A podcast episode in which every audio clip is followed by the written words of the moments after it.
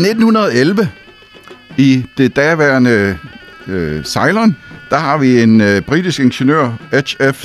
Thumlin, som kommer gående ned igennem byen Galle. Der ligger en sandbunke, han graver i den af en eller anden grund, og sørger med, om der ikke dukker en sten, en mystisk stentavle op med inskriptioner. Han vidste straks, det her, det var virkelig et spændende fund, og det var noget specielt. Men hvad var det? Han bragter, fragter den her stentavle i sikkerhed og få nogle arkeologer til at se på fundet. Det viser sig, at der er tre lange inskriptioner på stenen på henholdsvis kinesisk, persisk og tamil. Meget mystisk. Efter nogen tid, hvor de får decifreret øh, teksterne, så finder de ud af, at det er en sten, der er blevet indgraveret i Nanjing i det østlige Kina, dateret den 15. februar 1409. Det er jo lidt svært at regne ud, fordi kineserne brugte jo et andet tidsregning. Samt at den er blevet placeret på Ceylon af admiral Junghe på hans tredje ekspedition i 1911 til de vestlige oceaner. De lange inskriptioner handler alle om øh, lovprisning af religioner. Den kinesiske lovpriser Buddhaen, den persiske Allah og den tamilske en lokal hindugud. Stenen kan i øvrigt i dag ses på Colombo National Museum. Digadale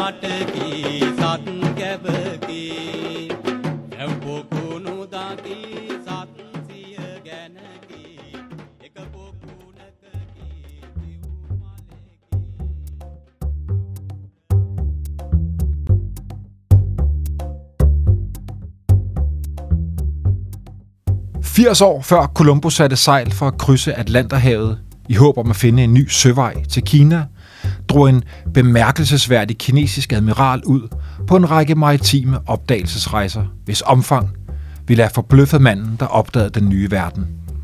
Jung Hees syv storslåede sørejser, der strakte sig fra Taiwan til Afrika, var en armada af mere end 300 skibe og talte ufattelige 28.000 mand. Rejserne øgede kinesernes indflydelse i et hidtil uhørt omfang på et tidspunkt, da europæerne endnu kæmpede for at komme ud af Middelhavet. Hvem var han, denne kinesiske admiral Zheng He, og hvad var det egentlig kineserne ville med de her gigantiske ekspeditioner? Det og meget mere vil jeg tale med dagens gæst om. Velkommen, Henrik Bjørn. Tak fordi jeg måtte komme.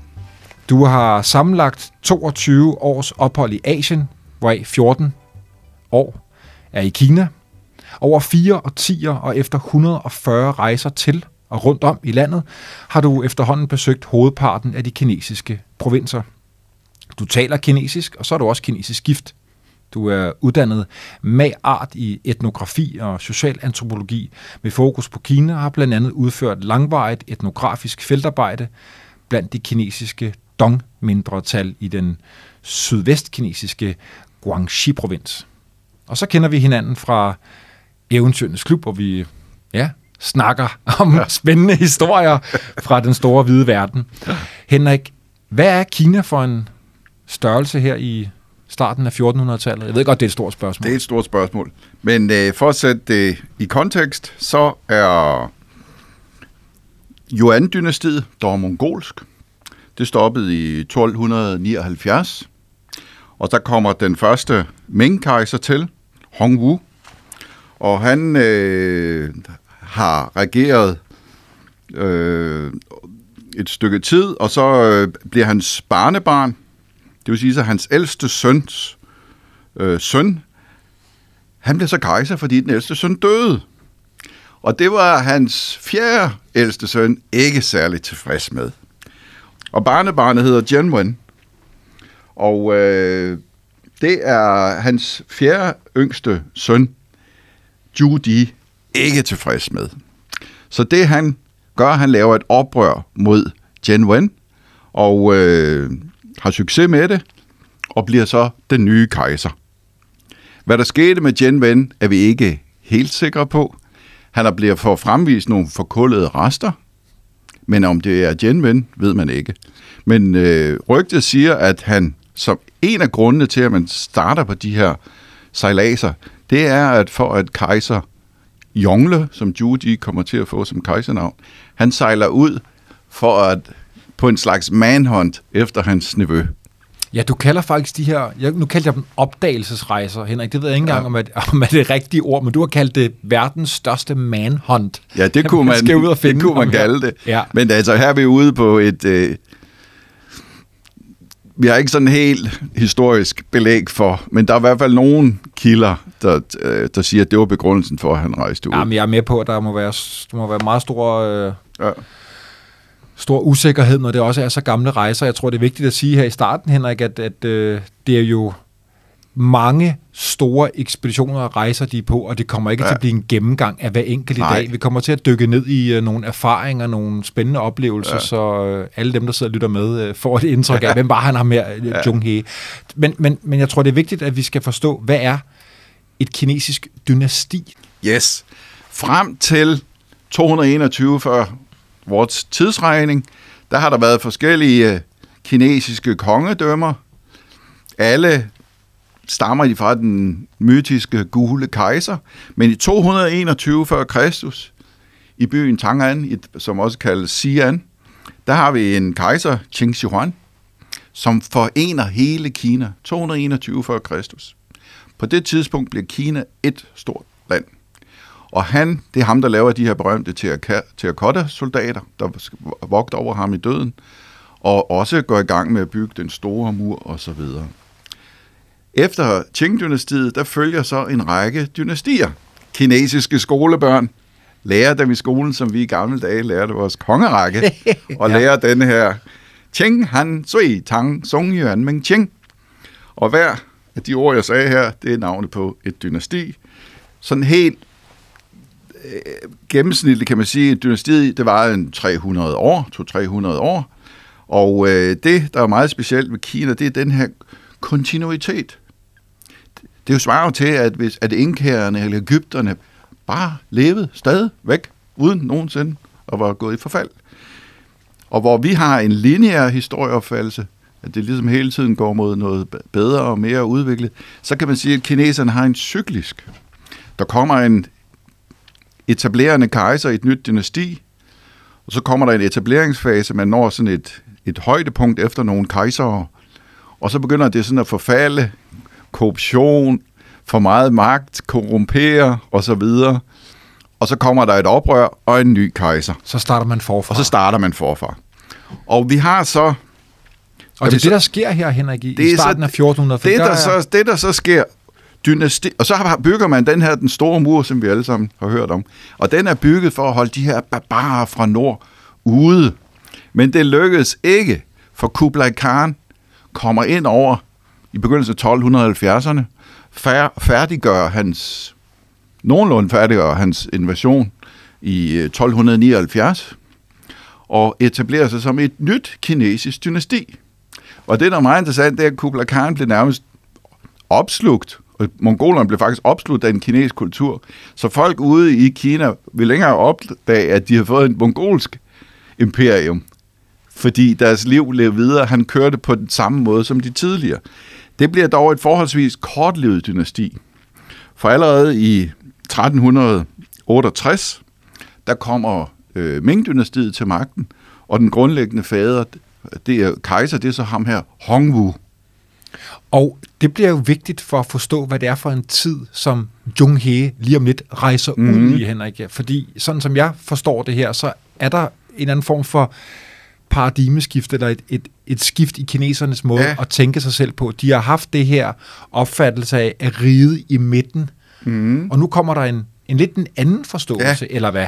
Altså, der sker det, at man begynder... Man har allerede Silkevejen.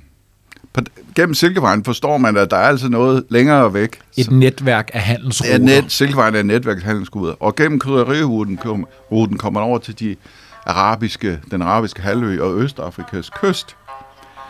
Men kineserne, de var jo sikre på, at de var verdens centrum. De var ikke en civilisation, det var civilisationen. Ja. Den kinesiske kejser, det var øh, Kina, det betyder Zhongguo, riget, riget i midten, landet i midten. Kejseren øh, handlede på et himmelsk mandat. Kejseren var Guds søn, Okay. Simpelthen, Wow. verdens, cent- simpelthen verdens centrum. Og kineserne ønskede, at de folk, der boede omkring, de skulle anerkende, at de var verdens centrum, men de havde ikke noget behov for at ændre, eller gøre dem til kinesere. De ville bare have, at de var, høstet den der anerkendelse. Og så opererede de med sådan forskellige zoner.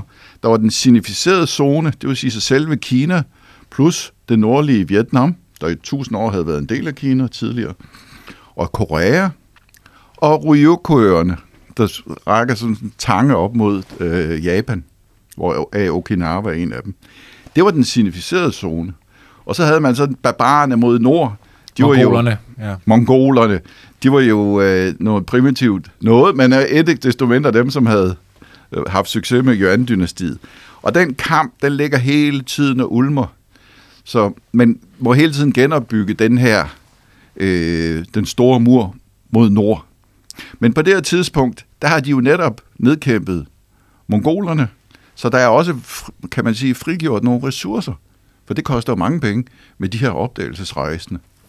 Og de beslutter så her i starten af, af 1400-tallet, jeg tror det er 1405, at den første At den første kommer store sørejse ja. ud, af, ud af syv Ja. ja. kolo enorme Kæmpestor. øh, rejser starter, Ja. hvor, hvor øh, Jung He, og han kommer til at tjene flere kejser, så vidt jeg kan forstå, Ja. øh, bliver valgt som Ja, ekspeditionsleder. men først og fremmest øh, kejser Jungle.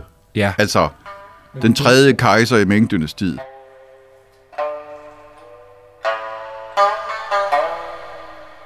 Henrik, vi skal lære øh, Jung He at kende. Hvad, Ja. ja. hvad ved vi om ham? Vi ved, at Zhonghes olle, oldefar var kommet med mongolerne ned til Yunnan og havde, var blevet guvernør over Yunnan. Vi ved også, at Zhonghe, Zhonghe var ikke, det hed han ikke på det tidspunkt, han hed Mahe. Og Mahe, det er sådan et significeret navn for Mohammed. Mahe. Okay, han er muslim. Og han er muslim. Ja.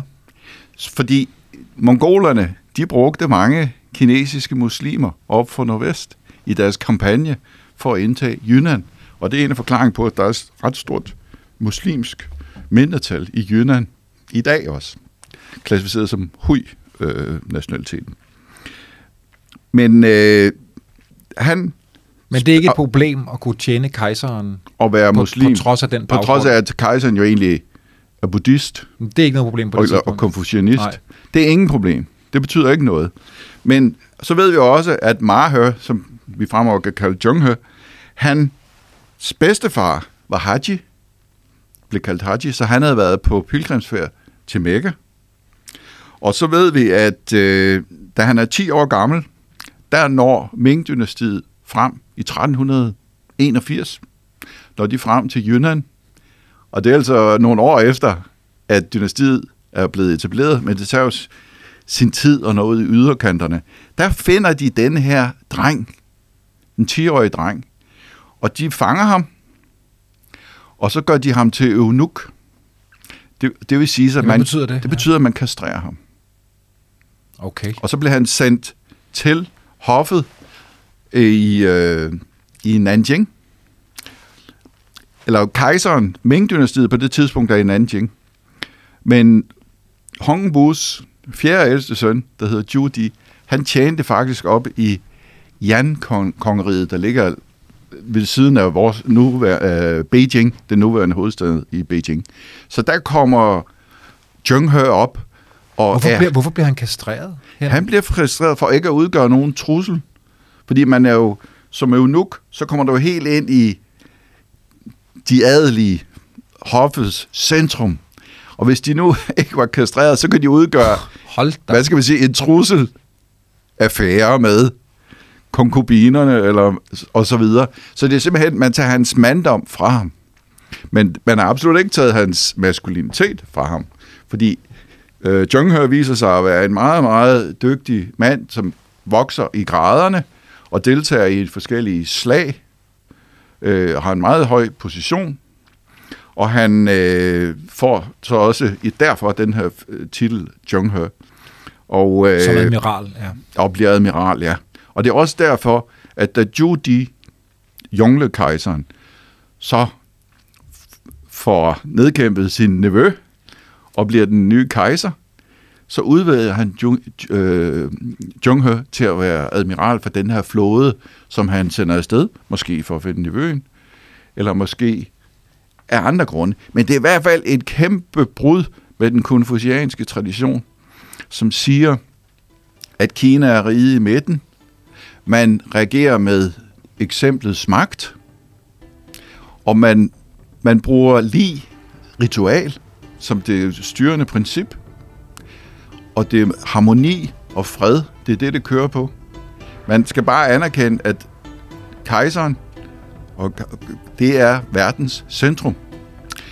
Og så det modsatte princip, det er det, man kalder lov eller far. Og det er, at man har brug for at anvende magt og straf osv. Men konfucianisterne bryder sig... Det er ikke det ideelle situation. Det ideelle situation, det er eksemplets magt og ritual. Og Hongwu, den etablerende kejser i Ming-dynastiet, han havde skrevet et øh, skrift, hvor han skriver meget klart, at, at Kina skal regeres efter de konfucianske principper.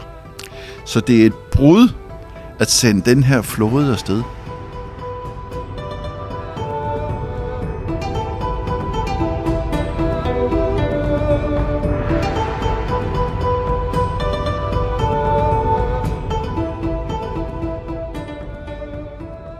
Ja, hvad ved, hvad ved vi om øh, selve...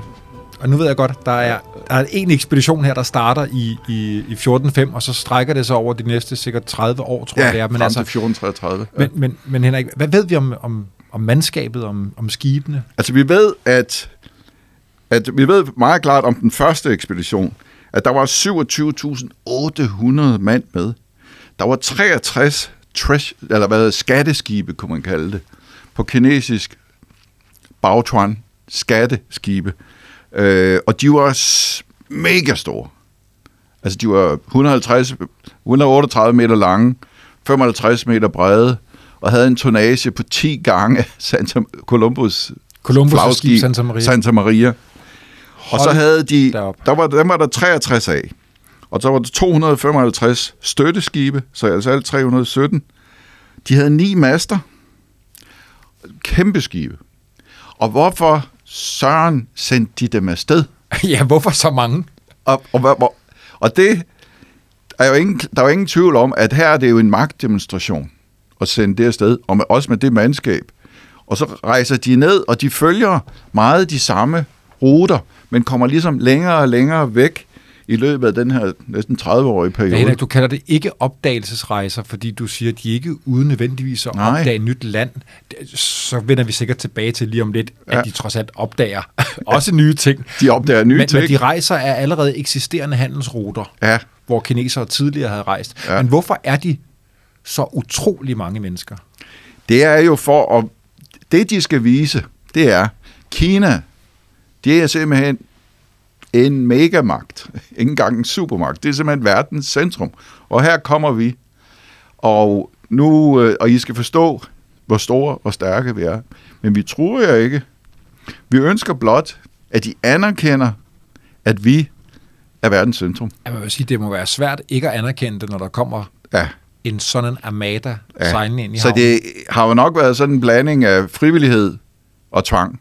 Vi ved, at med den første armada, der tager man 30 repræsentanter med for de lande, øh, som man har besøgt. 30 kommer med tilbage til kejseren, hvor de så skal vise okay. kejseren, at de, hvad skal man sige, underkaster sig den kinesiske verdensorden.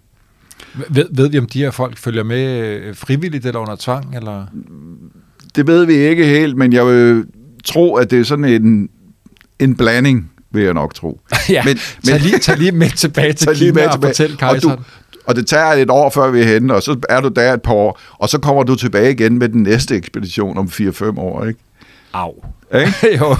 øhm, og så kommer de jo så hen til kejseren, og skal udføre det her berømte kovtov, hvor man lægger tre knæfald, efterført af tre prostrationer, altså helt ned og ligge, okay. For virkelig at vise. Og det var jo også det, kineserne prøvede at pålægge de vestlige magter, og hvor britterne så siger, nej, nu er det stop. i 1800-tallet. Ikke? Ja, det er en form for underkastelse. Ja, det er sådan den helt symbolske underkastelse. Og det forventede kineserne, at man øh, altid udførte. Og ellers så havde de i ombord på de her skibe, altså over, ud over alle de mænd, så havde de jo gaver med. Og det, der er så specielt her, det var, at de var fyldt med guld og sølv, porcelæn og silke. De fineste varer for riget i midten. Så i modsætning til europæerne, der tog ud og tog Og hentede guldet. og, og, og, og stjal guldet rundt omkring. Ja, så kom de her og gav, dem, ja. og gav dem guld. For at sige, vi er så store, at for os betyder det her ikke noget. Vi kan godt give ud til jer. I skal bare anerkende, at vi er verdens Det var, derfor, centrum. det var derfor, kineserne kaldte dem skatteskibe. Ja, det Ja. var skatte den anden vej. Ja, det er fantastisk. det var fantastisk, ikke? øh, og så havde de jo så gaver med hjem. Og det var jo øh, eksotika. Det var struse, zebraer, kameler, elfenben. Og man havde også øh, på et tidspunkt en giraf, havde man med hjem. Ja, det der bliver jeg nødt til lige at fortælle om, ja. det kan jeg godt huske, jeg har læst. Ja. Det virker jo helt fantastisk. Og det er jo fordi, i Kina, der havde man sådan et fabeldyr, der hed en chilin, som man mente var sådan en giraf. Eller man mente, ligesom vi herhjemme havde indjør, Enhjørningen. ja. indjørningen, ikke? Og så, øh, da de så finder den her øh, giraf, så ser de som bevis på, at kejseren havde himlens mandat. Jeg, jeg husker, at de finder øh, giraffen et eller andet sted over på, på, Ja, ja, ja, på Kenyas, på øh, Kenyas, Kenyas kyst, kyst. og får den givet. De får også en, på på et tidspunkt får de også en giraf for en sultanen af Bengalen, Okay. som har fået den fra Somalia De bringer simpelthen Og så bringer en de de her- hjem til Kina. hjem til Kina. Og dem står det symbolet på, at det her mystiske kræ er kommet til Kina. Der kan vi se, at vi har himlens mandat. Jamen, hvad tænker de ikke? Altså, Hvad tænker de ikke i Kina? jamen, de har jo bare fået at vide, at det, den er god nok. Vi er verdens centrum. Og det er jo meget interessant. Nogle gange er det her med øh, himlens mandat, det er jo sådan helt til at tage at føle på. Hvis I i dag tager hen til den øh, himlens tempel i Beijing, der er der simpelthen en række koncentriske cirkler, hvor inde i midten står der en rund, lille rund sten. Der stod kejseren på, når han havde direkte kontakt til himlen.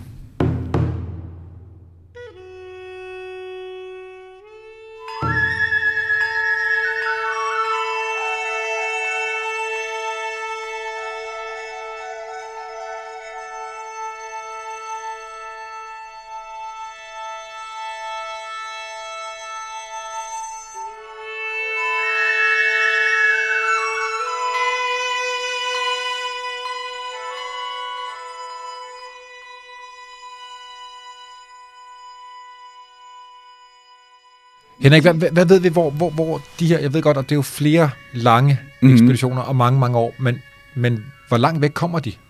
Jamen det længste, de bevæger sig ligesom længere og længere væk. De starter med at... Øh, de starter altid i omkring Nanjing, hvor der var kejserbyen på det tidspunkt. Og så sejler de ned i det sydkinesiske hav. Stopper altid på den samme ø dernede. Og så ned til Malaysia, nuværende Malaysia, og Indonesien. På det tidspunkt var der allerede et kinesisk diaspora, handelsfolk, som havde slået sig ned dernede. Og øh, der var også en berømt Chun Jui, en øh, pirat, kinesisk pirat dernede, hvor de så, som jo ikke var, up, der ikke var populær med, med dem, han stjal fra, og ham nedkæmper de. Nå, og tager- okay. Der, der, og han, han er også en af dem, der er med på skibet tilbage, altså sammen med de der 30 repræsentanter. Og han kommer så, hvad skal vi sige, for retten, kan man sige, i, Be- i Kina, i Nanjing. Så det er en bliver- kinesisk pirat, Og bliver der- hen, en kinesisk pirat. der har plyndret også kinesiske ja, og så bliver han henrettet. På samme måde, så, så bevæger man sig videre, Sri Lanka, det daværende Ceylon, og så til Kerala på sydvest, sydvestkysten. De kommer også forbi Nicobarne, og ombord der på skibet, der har de kronikører, der sk- skriver meget detaljerede optegnelser. Nikobarne, som er de, de her små øer med de her folk, der fortsat i dag Ja, og på det tidspunkt, der 2022 beskriver ikke de, har hvor kontakt til... de vilde nøgne på øerne der, som de kigger på i forfærdelse, at der er mennesker, der løber nøgne rundt, altså i 1400 2006. Jamen, der var, så vidt jeg husker, så var der jo en eller anden øh, amerikansk mission, kristen missionær, der ville ud og besøge dem for bare et par år tilbage, ja. og blev slået ihjel på stranden. Ja, og- så det er utroligt, ikke? Og så også meget interessant, de øh, stopper i Thailand og, og sidder og observerer, sådan, hvordan livet foregår på sådan en thailands markedsplads. Og det går op for dem, at det er sgu kvinderne, der har bukserne på der.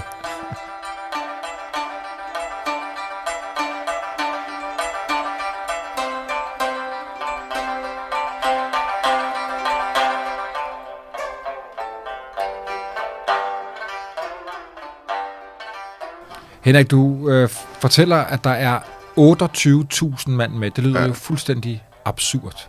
Mange. Ja, ja. Hvem, hvem er de her folk? Jamen, det er jo en... Først og fremmest, så er det jo militærfolk. Men det var selvfølgelig også navigatører. Kineserne havde jo allerede på det tidspunkt opfundet kompasset og havde meget avanceret navigation.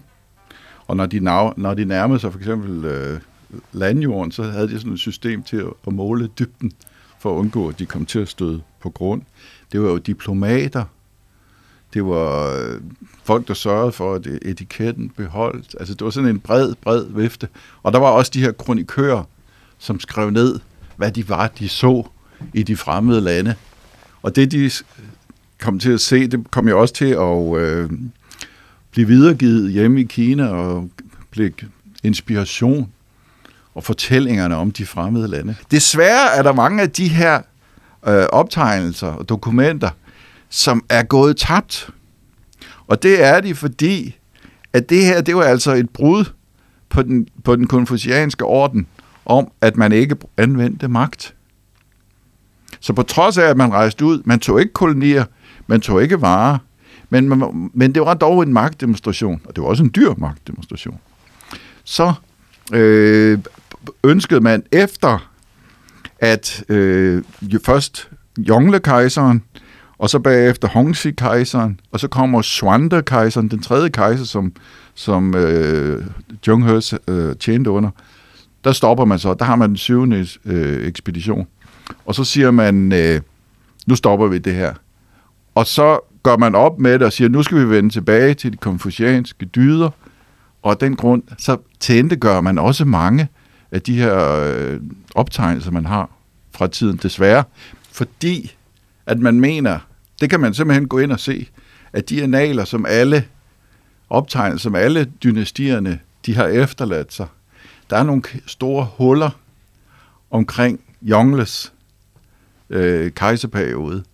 Og der mener man, at det er simpelthen gået tabt, fordi at han øh, ikke har, det ikke har været i overensstemmelse med øh, Ming-dynastiets grundlægger Hong Wus ønske om, at det skulle være øh, følge de konfucianske normer. Ikke? Så de nye kejsere ødelægger materiale, der ligger før dem. Ja, Det er jo dybt tragisk. det er dybt tragisk. Du siger, at kineserne rejste, opfinder kompasset og, mm. Mhm. og så videre, og bruger det jo selvfølgelig derfor, fordi de har opfundet det. Ja. meget inden europæerne. Hvornår det går der det går lang tid før, at europæerne også finder det? Jeg vil tro, at, øh, at de er cirka en 100 år øh, foran europæerne på det felt der.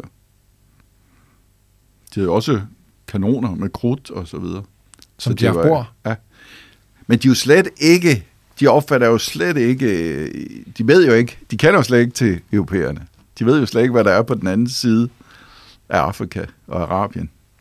Man har været i kontakt med Byzans og så videre, Ja, efter Romerrigets fald, ikke?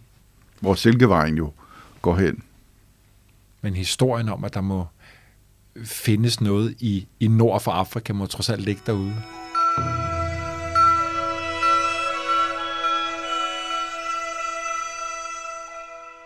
Jeg stusser over det der med, at, øh, at Jung Hees øh, oldefar blev kaldt øh, Hachi. Ja. Altså, han havde været på pilgrimsrejse. Det var ja. Også noget, han selv gerne ville, så vidt jeg kan forstå. Jeg synes, jeg har læst ja. Et sted, at han faktisk rejser efter at komme til Mekka. Ja. Jamen, han når ikke selv frem, Okay. men han når jo hele vejen op, meget, meget tæt på. De bevæger sig lige så stille længere og længere væk hver ekspedition. Og det er altså mangeårige ekspeditioner. Man kommer jo også til Hormuz-øen, som var en meget øh, stort handelssted på det tidspunkt. Som er det sydlige øh, Iran i. Ja, i Hormuzstrædet mellem Og der ligger- Iran og Oman. Ikke? Og der øh, sender man på et tidspunkt nogle folk afsted mod Mekka for at foretage den her øh, pilgrimsfærd. Så man er, det er jo meget interessant, at man er så... Det er en stor blanding af religioner. Også den sten, jeg startede med at fortælle om i, øh, på Ceylon, hvor islam og hinduismen og buddhismen, og de rejser også rundt ja, for den her Chenfei Matsu, Gud, som er deres øh, beskytter. Religion, det kan man sådan set bruge, som man vil, så længe man anerkender magtens centrum. Ja. Henrik, de, de, øh, de, de, øhm, de kommer formentlig ud fra alle mulige dramatiske ting. Du siger også, de er sådan et, et. Ja. søslag. Mohammed, den kinesiske øh, Pirat. pirat. De kommer, også, de kommer til en borgerkrig. Der er ja. borgerkrig i, i, på Sri Lanka, altså Ceylon, og hvor de tager side og til fange tager mod den anden sides konge. Han kommer også med ombord på skibet. Så han ryger også med tilbage.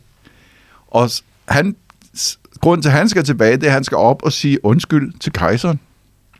Han skal sige undskyld til den kinesiske Fordi, kejser. til den kinesiske kejser, fordi han jo Der kæmpet er imod. Fordi, ja, han sejler med skibet tilbage igen. Og så skal han sige undskyld til kejseren for, at de havde ydet modstand over for de kinesiske tropper. Så det er jo en magt øh, demonstration af format, det her. Ikke? Ja. Det har jo været det, det har jo været helt vildt at komme 28.000 mand i datiden der i, i sådan en armada. Og den der, de skibe der, vi skal jo helt, hen, vi skal helt frem til Første Verdenskrig, før der blev bygget et skib på samme størrelse. Og øh, man har faktisk fundet øh, arkeologiske rester af nogle af skibene. Altså efter det her, der fik de jo bare lov at ligge og rådne op nærmest. Men man har fundet beviser på, at de virkelig var Men så ikke store. helt i samme omfang som de danske vikingskibe, eller Nej, nu det ligger er der ikke- også nej, Vasa, Vasa-skibet oppe i Stockholm og så Desværre, videre. Ja. Men det, man har, det er jo de her stentavler, som står rundt omkring. Og det er jo både, og det, der står mindesmærker for det både hjemme i Kina, men også derude. Og i Sydøstasien, hvor der jo allerede var det her kinesiske mindretal, der har man jo mange templer, øh, der er navngivet efter Zhonghe.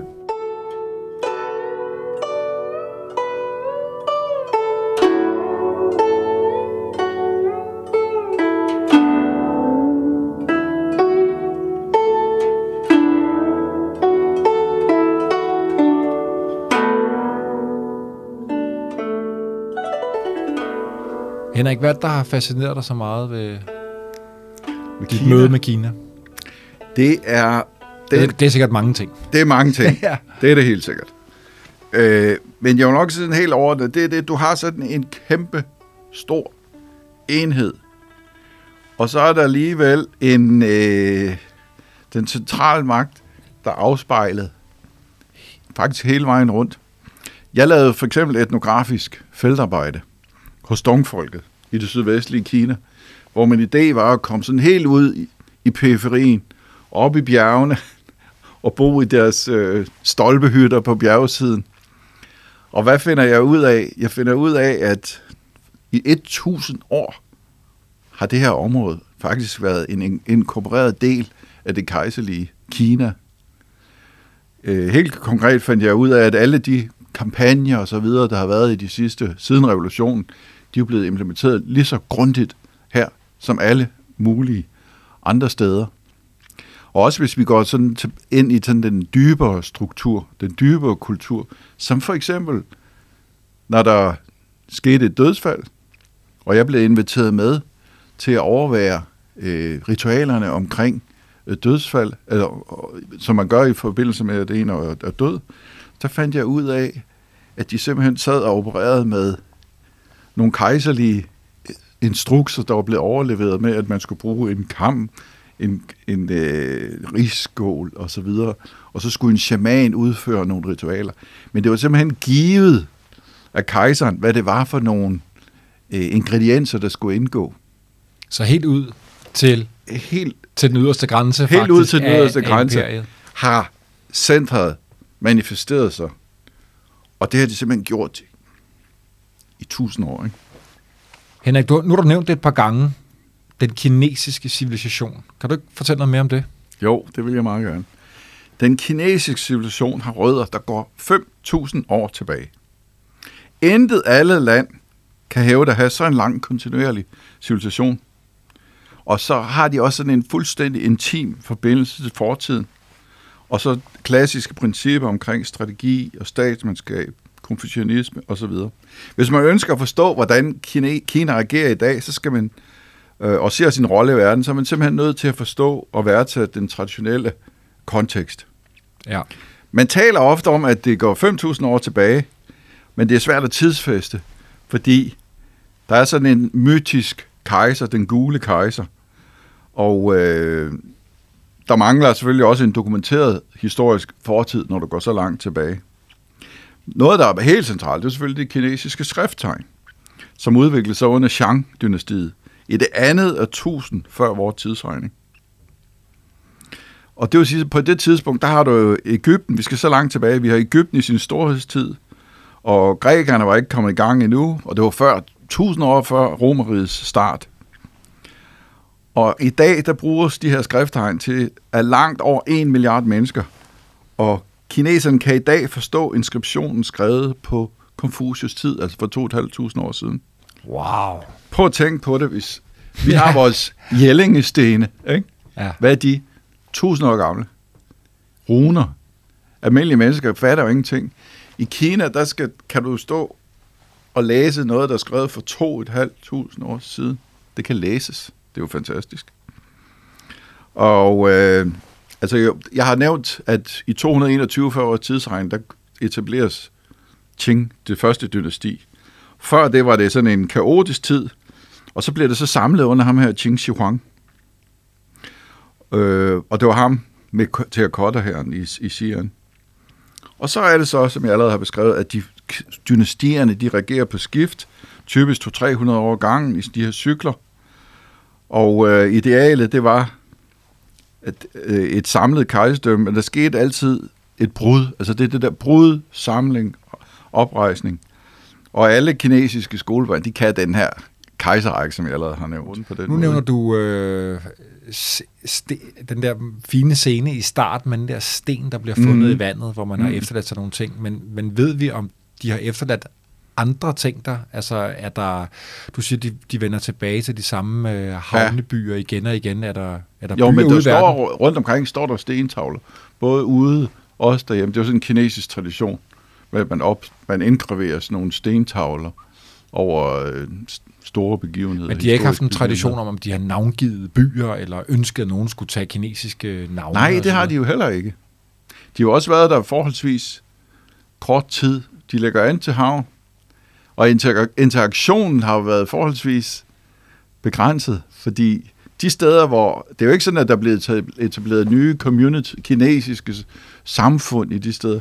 Det eneste sted, hvor man kan sige, at de havde mødt allerede eksisterende samfund, det var nede i Malaysia og øh, på Sumatra, hvor de jo allerede var i forvejen, var kommet tidligere. Og er det, er det så nogle steder, de er taget ned oftere end andre steder, netop fordi der har været et kinesisk øh, mindretal der? Ja, det har de. Det har de helt sikkert, for at vende tilbage til dem. Ja. Men i øvrigt så havde araberne jo i mange år handlet på den sydkinesiske kyst. Og det var også af den vej, at, øh, at mange folk i det, langs ude ved kysten, i Fujian-provinsen blandt andet, de er, de jo konverteret til islam. Det var igennem det her møde med, det fredelige møde med øh, de arabiske købmænd.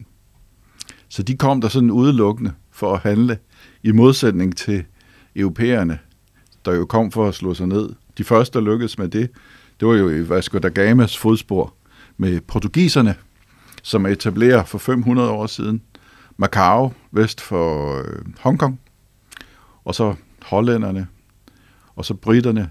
Men det var jo noget helt andet formål, fordi de vestlige magter etablerer jo de her store øh, kolonier ikke?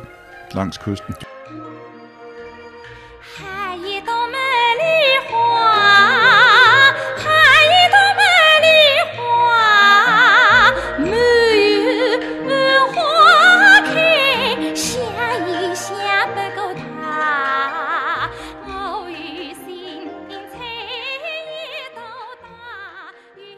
Skal vi også prøve at forstå, hvordan kan det være, at de ikke var mere sådan ivrige efter at komme længere væk. Det var, tror Ja, jeg, hvorfor, man skal... ja, hvorfor sejlede de ikke videre, ikke? Ja, hvorfor ja. sejlede de ikke videre, da de når ned på den syvende ekspedition til Østafrika? Ja, de har måske pengepunkten, var måske jo De stoppet. også planlagt noget, og hvor meget kunne man... ja, de har selvfølgelig ved, også planlagt på forhånd, når de pakker. Men det var sige? måske ikke det, der var det afgørende egentlig. Nej, men altså det helt afgørende, det var, at øh, kineserne, de opfattede deres eget rige som så enormt stort, at de ligesom havde nok i det. I prøv at forestille sig, det er jo på størrelse med hele det kontinentale Europa. Det vil sige så fra Ural til Portugal, ikke? Og i centrum, der har jeg kejseren, og den kinesiske sprog og kultur, det straks sig til hver eneste afkrog af det hele. Og fra stepperne og nåleskovene mod nord, ved grænsen til Sibirien, til de tropiske regnskove og risterrasserne mod syd, fra kanalerne, havnene og fiskelandsbyerne mod øst, til helt over til Centralasiens ørkner og Himalayas bjergtinder mod vest. Det er jo en kæmpe mundfuld. Størrelsen og variationen af hele riget, det styrkede kinesernes tro på, mm. at Kina i sig selv var verden. Kejserne herskede over hele verden med direkte kontakt til himlen og havde himlens mandat. Det var simpelthen nok for dem. Og de havde ikke brug for... Og det der, det er den primære årsag formentlig til, at de så ikke det det rejste videre. Det vil jeg mene. Og hvorfor rejste de ud? Det var kun for at fortælle... For fortælle fortælle verden, frostene. at vi er så store. Vi er så store, og I skal anerkende os ved de vestlige oceaner. Men de steder, de rejste hen, de mødte jo på intet tidspunkt en, en kultur, et folk, en civilisation, som kunne virke troende mod dem.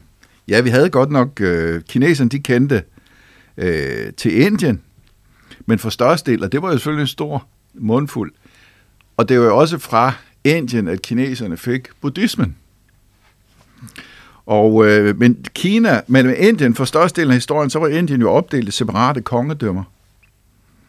Og øh, de havde også en del handel med Indien. Den kinesiske og den indiske civilisation udviklede varer, og kineserne modtog buddhismen, som jeg allerede nævnt. Men ellers så er de jo så adskilt af det her fuldstændig uigennemtrængelige Himalaya. Ved vi, når Jung He lægger til, for han lægger jo til i Calcutta flere gange, hvor langt ind i Eller landet... Calicut, Calicut. nede ved Keralas kyst. Ja. Okay, og rej- rejser de, når de så lægger til ved Indiens kyst, rejser de, De så... rejser ikke ret langt ind. De rejser så ikke særlig langt ind? Nej.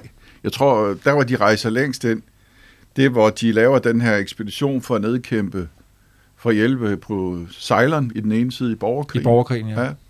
Og så laver de så en ekspedition ind til Mekka. Men ellers så, foretager, så holder de sig jo sådan grundlæggende ude i kyst. Hvordan kan det være? Ja, hvorfor de ikke søger længere Jeg så ind. bare tænker, har de, Ja. ja. er det, har de Sil- Silkevejen og deres handelsruter, hvor de Men jeg, ligesom tr- over jeg, land jeg, jeg tror altså opdager? også, generelt så har s- civilisationer jo ligget ved de kystnære øh, steder, ikke? Hvorfor stopper de her ekspeditioner? Der sker det, at øh, Jongle-kejseren, han dør under den 6. ekspedition. Øh, og så kommer den, øh, hans søn, Hongxi, kommer så til, han regerer ganske kort, jeg tror det er under et år. Og der begynder man at, at gøre op med det. Og så da Xuande-kejseren kommer til, der øh, foretager man så lige den aller sidste øh, og syvende øh, ekspedition. Og er det selvfølgelig, Og man har tænkt, at nu grunden- er, altså, Ja. omverdenen nu har hørt om os Ja. i tilstrækkelig grad? Nej, det skal nok længere, snarere ses ind i sådan en kontekst af, at mongolerne, som jumingerne jo havde nedkæmpet, de begynder at røre på sig igen. Så det er nødvendigt med nogle øh, militære operationer deroppe mod nord. Og øh, Judy havde jo også flyttet kejserhovedstaden fra Nanjing til øh, Beijing. Øh, og der går man i gang med at bygge den berømte forbudte by, der jo står i dag, og som er et af verdens flotteste øh, bygningsværker. Og det koster jo mange penge at bygge det. Og det koster mange penge. Så noget af det, man gør, da man flytter mod nord, man udbedrer den, øh, den lange mur Ja, den i Ming-dynastiet. Man bygger den forbudte by.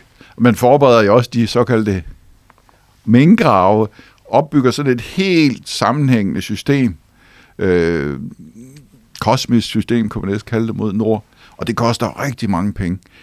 Så væk fra havene, de vestlige have, og mere fokus på det nordlige Kina og på truslen fra nord. Men det lyder farligt at lukke sig om sig selv, og ikke være åben over for verden. Det ja, kan være de, det, som... det er jo fordi, de ikke ser nogen trussel fra den vej. Er det også fordi, de tænker, at vi kan ikke lære noget af resten af verden? Vi er så Ja, overlegne. det gør de. Øh, Hvad skal sige, en under... Japan er jo ligesom uden for det hele. Og Japan var aldrig en del af de her tributære relationer. Men de har jo rejst ud i verden altså næsten 100 år før europæerne gør det. Hvorfor bygger de ikke øh, øh, imperier og, Jamen, det skal hvorfor- man op, og hvorfor det skal bygger man- de ikke nogle kolonier derude? det skal man simpelthen forstå sådan, at de mente ikke, der var noget at hente. Fordi de havde jo allerede det hele derhjemme. De ønsker simpelthen kun anerkendelsen. det er ret interessant. Men altså, tænk sig, hvor anderledes verden havde set ud, hvis de ville komme med det samme mindset som europæerne, og havde slået sig ned og gjort Østafrika til kolonier. De kunne jo simpelthen have taget hele Asien, før at europæerne og Vasco da Gama kom øh, syd om Afrikas horn. Ikke?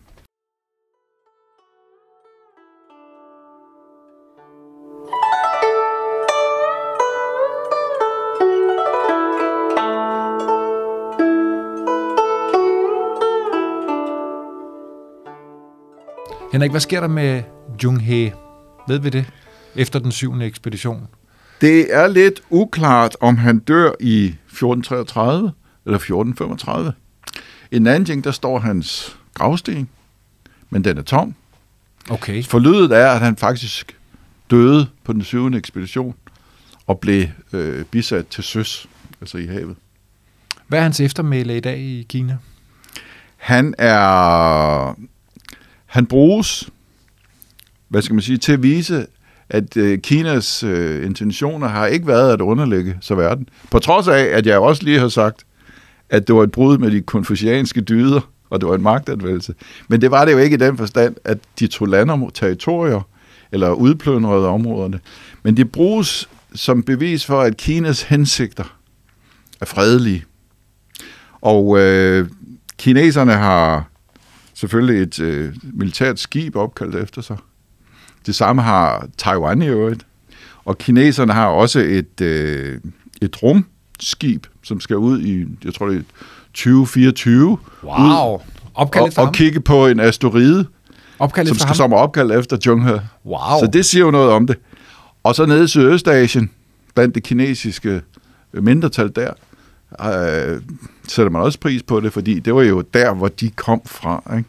Han tjener som eksempel på det her at jeg tænker, at hans historie er, øh, må have nogle andre perspektiver også.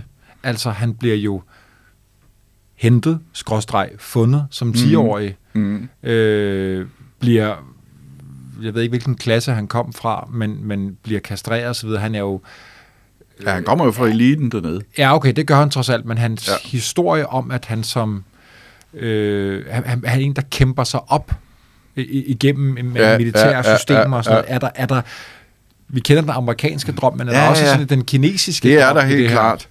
Og øh, Og, og i så fald, hvad går den det går på? jo langt tilbage. Altså det er jo igen, det er jo det konfucianske. Det er den, det er den dygtigste, der, skal, der skal styre. Det er meritokratiet. Altså den, der har... Det er den dygtigste, den bedste, der udvælges. Kineserne har jo den her tradition, tusind år gamle, med at det er hemmelige eksamener, så man bliver ikke til noget af at kende nogen. Og han, Jung He har jo også arbejdet sig op. En lille dreng på 10 år, der blev fundet, kastreret og taget til magtens centrum, og lige så stille beviser han sit værd,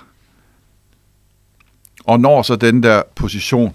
Jo egentlig ikke i kraft af, hvem han er, for han er jo bare en lille 10-årig dreng, der er blevet fundet og kastreret. Men alligevel så lykkedes det ham at skabe sig den der magtposition. Så det er jo øh, meritokratiets søn, ikke? Ja, men det er jo en stærk fortælling. Ja, det er det. Ja.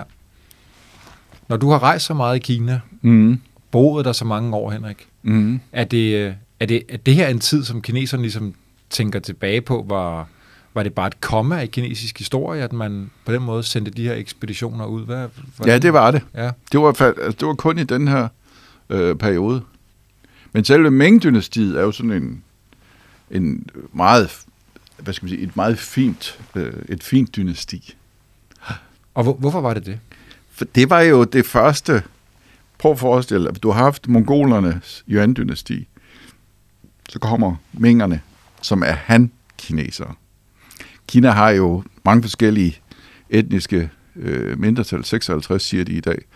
Og den største, 92 procent af befolkningen, tilhørte han-folket. Så de tog magten tilbage? De tog magten tilbage fra mongolerne. Men de holdt den jo så kun til 1644, hvor muren igen blev brudt. Denne gang er manchurerne fra nordøst, der etablerer Qing-dynastiet. Så det sidste dynasti fra 1644 øh, 44 til 1911, det var jo så også, øh, kan man sige, et udefrakommende dynasti. Henrik Chung-Hes rejser blev i eftertiden øh, på en eller anden måde brugt til at sige, se, vi havde ikke imperialistiske tanker osv. Mm. For at lave perspektiv til i dag, mm. hvad, hvad er det, kineserne laver i dag? Jeg sidder og tænker Belt and Road og så Ja. videre. Og der er det jo øh, lidt interessant, at hvor øh, Xi Jinping, der nu er kommet til magten, han taler jo om øh, socialisme med kinesisk karakteristika, ligesom Deng Xiaoping. Og så har han tilføjet i en ny æra. Og med det, der mener han, at Kina nu har behov for at vise sin position globalt. Ligesom Zheng-Hes øh, ekspeditioner i sin tid, men hvor man rejste blot ud for at sige, vi er her, vi er verdens centrum, det må jeg godt lige anerkende. Men ingen kommercielle eller militære øh, idéer med det, eller meninger med det. Men hvis vi nu kigger i dag på det her berømte Belt and Road, som jo er et af Xi Jinpings sådan helt store flagprojekter. Det, de kalder Belt, det refererer i virkeligheden til Silkeruten. Og det, de kalder Road, det er jo i virkeligheden den maritime handelsvej. Så ligesom der i den tid var Silkevej og krydderihandel, så har vi så i dag det her Belt and Road-initiativ, hvor kineserne rejser ud. Men det er jo på en helt anden måde nu. Kineserne laver jo kæmpe store infrastruktur, infrastrukturprojekter i Mellemøsten, Afrika, Europa, og udvikler sådan et kæmpe stort kommersielt netværk, og laver jo, sætter jo kineser af undervejs, og laver øh, øh og køber op og øh, laver leasingaftaler, blandt andet på Sri Lanka, hvor de jo har interesse i, i havnen der. Og så har vi jo øh, ikke mindst også i Djibouti en, øh, en flådebase, kinesisk flådebase. De gjorde det ikke dengang, og de gør det i dag. Men Betyder, nu- det, betyder ja. det, at de har fundet ud af, at de jo betragter sig formentlig selv som ride i midten, men at vi faktisk kan hente føler noget ud sig- i verden? De føler sig, det er jo en helt anden tid nu. Og øh, man kan jo sige, at et land med 1,4 milliarder mennesker har jo naturligvis også nogle helt legitime, legitime øh, hvad skal man sige, ting at udføre, ligesom alle andre øh, store magter. Og så er Kina jo voldsomt afhængig af øh, ressourcer, råstoffer fra verden. Det er de nødt til at importere, så de er også ved at sikre sig, at de får adgang til det. Det er, det er vilde historier. Henrik, tusind tak for fantastiske beretninger i dag. Jamen, tak fordi I måtte komme.